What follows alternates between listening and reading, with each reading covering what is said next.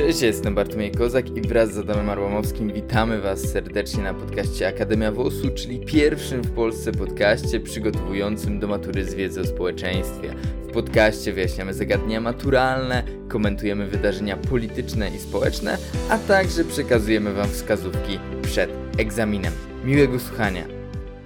Cześć, tu Bartek i bardzo się cieszę, że słyszymy się na kolejnym odcinku naszego podcastu na Akademii WOS-u. Dzisiaj będziemy rozmawiać o wyborach, czyli będziemy mówili o procesie, którego zadaniem jest wyłonienie no, osób, które będą decydować o tym, co się w tym naszym państwie polskim dzieje, tak? Czyli będziemy mówili o procesie, który jest realizacją zasady suwerenności narodu, zasady demokratycznego e, państwa. Dokładniej mówiąc, nie będziemy omawiać całej instytucji wyborów, nie będziemy mówić, czym jest prawo wyborcze, czym jest system wyborczy, czym są formuły wyborcze, czy też ordynacja wyborcza. Zainteresowanych odsyłam na stronę akademiawosu.edu.pl. Dzisiaj będziemy mówić o takim dość ciekawym zagadnieniu, na którym sam pamiętam, jak byłem w gimnazjum czy w liceum się dość mocno zastanawiałem, bo będziemy sobie rozmawiali o e, zasadzie równości wyborów. Co to tak naprawdę oznacza, że wybory są równe? Historia tego odcinka jest taka, że wczoraj jak oglądałem sobie programy informacyjne, no to słyszałem, że niektórzy, co po niektórzy, zarzucają, że obecne wybory nie będą równe. Znaczy te wybory, które odbędą się 15 października ze względu na to, że no, Prawo i Sprawiedliwość ma znaczącą przewagę finansową w kampanii wyborczej. No i tak właśnie sobie stwierdziłem, że dość dobrym pomysłem będzie nagranie właśnie o tym odcinka e, podcastu, bo pamiętam, gdy byłem w gimnazjum, czytałem sobie artykuł 97 Konstytucji i przeczytałem tam, że wybory do Senatu są powszechne, bezpośrednie i odbywają się w głosowaniu tajnym. W tym przepisie brak jest zasady równości w porównaniu z jego poprzednikiem, artykułem 96, który stanowi, że wybory do Sejmu są powszechne, równe, bezpośrednie i proporcjonalne oraz odbywają się w głosowaniu tajnym. Czyli w artykule 96 ustęp 2 jest, że wybory do Sejmu są równe, a w artykule 97 ustęp 2 w przypadku wyborów do Senatu nie jest powiedziane, tak? Nie jest tutaj wskazane, że są one równe. Ja pamiętam, jak byłem w gimnazjum, to tak się zastanawiałem, no, czy to oznacza, że wybory do Senatu nie są równe, skoro nie ma tutaj tej zasady równości wyborów. Jeżeli wy także zastanawialiście się kiedyś, czytając konstytucję, dlaczego tutaj brak jest zasady równości i co tak naprawdę oznacza ta zasada równości, to zapraszam was do słuchania dzisiejszego odcinka, bo na te pytania dzisiaj odpowiem. Więc tak, e, mówimy sobie o zasadzie równości. Należy na samym początku wspomnieć, czym są zasady wyborcze. Często niektórzy je nazywają przymiotnikami wyborczymi, tak? Czyli zasady wyborcze i przymiotniki wyborcze to, to, to samo. Konieczne przesłanki w państwie demokratycznym. Czyli chodzi o to, że wybory muszą spełniać te przymiotniki wyborcze, żebyśmy mogli powiedzieć, że były wyborami demokratycznymi. Z tym, że no, nie wystarcza, żeby one spełniały te przymiotniki wyborcze, no bo jak sobie wyobrazimy państwo, w którym wybory są powszechne, równe, bezpośrednie i w głosowaniu tajnym, ale jest tylko jedna partia, no to to nie będą oczywiście wybory demokratyczne, ale mam nadzieję, że wiecie o co chodzi, że istnienie tych e, przymiotników wyborczych, no jest, tak się to mówi, przesłanką sine qua non, czyli przesłanką konieczną, aby mówić, że te wybory są wyborami demokratycznymi. Ok, czyli mówimy o zasadzie równości. Najogólniej mówiąc, e, równość wyborów polega na tym, że odbywają się one na takich samych zasadach dla wszystkich. To jest po prostu ta zasada nierówności wyborów. No ale nie można skrócić tego i powiedzieć, że no zasada równości to, że każdy ma jeden głos, bo właśnie z tego powodu też nagrywam ten odcinek podcastu, bo często w różnych mm, opracowaniach jest wspomniane, że zasada równości no to to, że każdy ma jeden głos, koniec kropka. No nie, to nie jest prawda. Zasada równości jest zasadą bardziej skomplikowaną, bardziej rozbudowaną. No i już tak przechodząc do konkretów. Tak naprawdę zasada równości składa się z trzech mm, aspektów z równości formalnej, z równości materialnej i z równości szans. I teraz po kolei, równość formalna polega na tym, że każdy ma taką samą liczbę głosów. Często się to tak mówi, one man, one vote, ale to nie jest do końca poprawne, no bo w niektórych wyborach może się zdarzyć, że będziemy mieli dwa głosy, tak? Więc tutaj chodzi o to, że każdy ma taką samą liczbę głosów, tyle samo mm, głosów każdy może oddać. To jest równość formalna. Mamy drugi aspekt zasady równości, czyli równość materialną. Polega ona na tym, że siła każdego głosu jest taka sama. Siła, waga każdego głosu jest taka sama. Czyli mm, każdy z wyborca ma taki sam wpływ na wynik wyborów. Tak to można opisać. Czyli w przypadku równości materialnej będziemy mówili już o sile głosów, a w przypadku równości formalnej mówiliśmy o ilości głosów. Ok, no to weźmy sobie teraz to na przykładzie. Takie hipotetyczne wybory, załóżmy do Senatu. Mamy nie, 100 okręgów wyborczych, no bo tak jest w przypadku wyborów do Senatu. I załóżmy, hipotetycznie te liczby będą całkowicie zmyślone, ale że mamy, bierzemy pod lupę dwa okręgi wyborcze. W jednym okręgu jednego senatora, no bo mamy Jowy, więc z jednego okręgu powiedzmy wychodzi zawsze jeden senator, tylko jeden senator. I tego, ten okrąg składa się z 100 tysięcy mieszkańców. A drugi okrąg obok niego składa się z 200 tysięcy mieszkańców. No i też wybiera jednego senatora, tak? No bo mamy Jowy. No i teraz y, problem polega na tym, że tutaj nie ma zasady równości materialnej zachowanej, dlatego, bo głos tego, tych wyborców z tego pierwszego okręgu jest dwukrotnie silniejszy. No bo tutaj w tym pierwszym okręgu 100 tysięcy osób wybierało jednego senatora, a w tym drugim 200 tysięcy osób wybierało jednego senatora, więc ich y, głos był znacznie słabszy w przypadku tego drugiego, drugiego okręgu. No i tutaj mam nadzieję, że widzicie tą różnicę w równości formalnej i w równości materialnej. Mogłoby być tak, że każdy z tych e, wyborców ma jeden głos, tak? No, tak jest w przypadku wyborów do Senatu przykładowo. Ale no, te różnice w zakresie ilości mieszkańców, z których składa się okrąg, powodują, że te wybory do Senatu równe, równe nie będą. Więc na tym polega różnica między równością materialną a równością formalną. Czyli równość formalna dotyczy tego, że każdy ma tyle samo głosów, a równość materialna dotyczy tego, że siła, waga każdego głosu jest taka sama.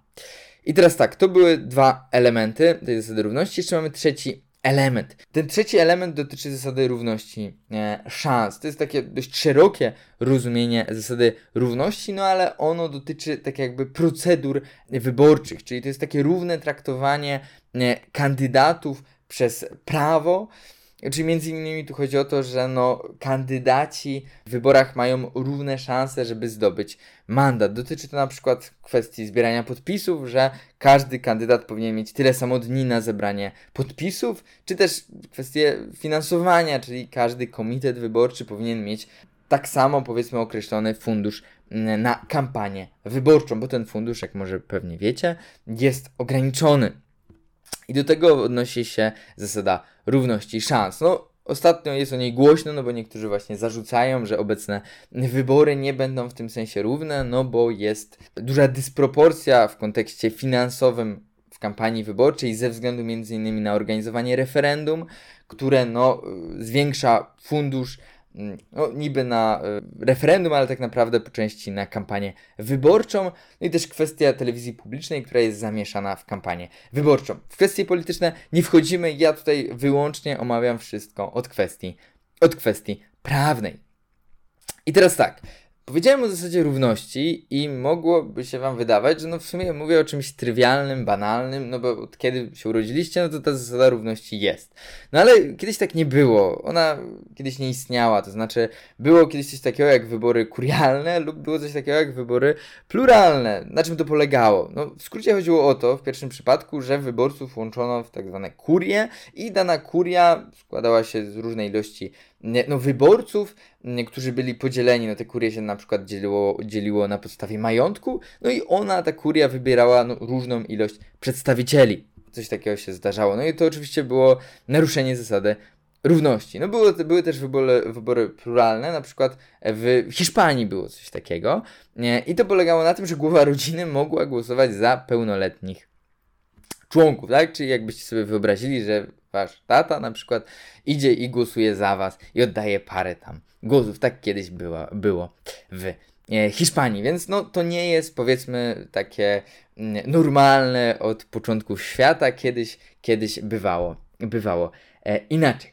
No dobra, ale skoro wspomniałem, że zasada, jedną z zasad prawa wyborczego jest zasada równości, a te zasady są konieczne w państwie demokratycznym, żeby powiedzieć, że wybory są y, demokratyczne, czyli musi istnieć zasada równości, żeby nazwać wybory demokratycznymi. No to skoro w Senacie nie ma zasady równości, to czy to oznacza, że wybory do Senatu nie są demokratyczne? To nie do końca tak jest. Sam Trybunał Konstytucyjny w jednym z wyroków stwierdził, że rzeczywiście wybory do Senatu cechuje mniejszy stopień konstytucjonalizacji niż wybory do Sejmu, ale to, że w artykule 97 nie jest napisane, że wybory do Senatu są równe, no to nie do końca oznacza, że tak naprawdę one całkowicie są nierówne. E, w przypadku prawa konstytucyjnego jest tak, że to prawo jest złożone z wielu norm.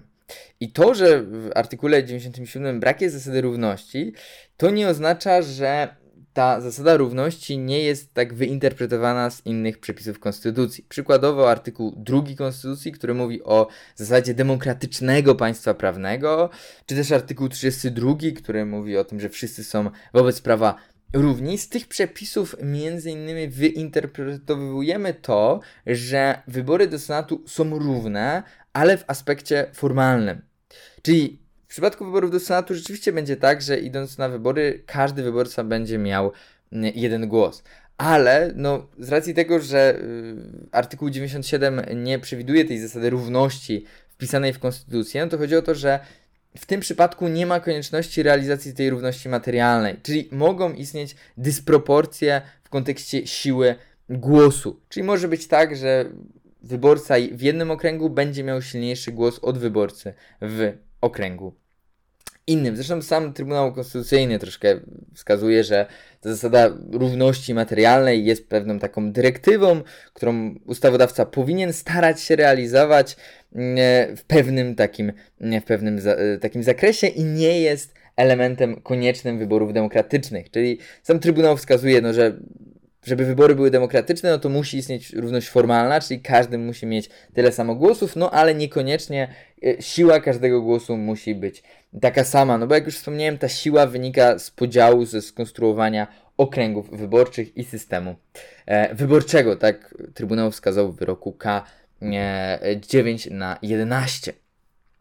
Okej, okay, jak to tak naprawdę wygląda w praktyce? Jak są tworzone te okręgi wyborcze? No wiemy już, że wybory do Senatu są równe w kontekście zasady równości formalnej, ale nie są równe w kontekście zasady równości materialnej. Generalnie w wyborach równość materialna jest gwarantowana poprzez zachowanie tzw. Tak jednolitej normy przedstawicielstwa. Na czym to polega? E, polega na to na tym, żeby ustalić jednolitą normę przedstawicielstwa, czyli w skrócie powiedzieć, ilu mieszkańców y, reprezentuje, załóżmy, jeden senator, to polega to na tym, że w przypadku wyborów do Senatu dzielimy liczbę mieszkańców przez mm, liczbę senatorów. Czyli załóżmy, że w Polsce mieszka 38 mm, milionów osób, to dzielimy przez 100. E, I nam wychodzi, że jeden senator reprezentuje 380 tysięcy mieszkańców.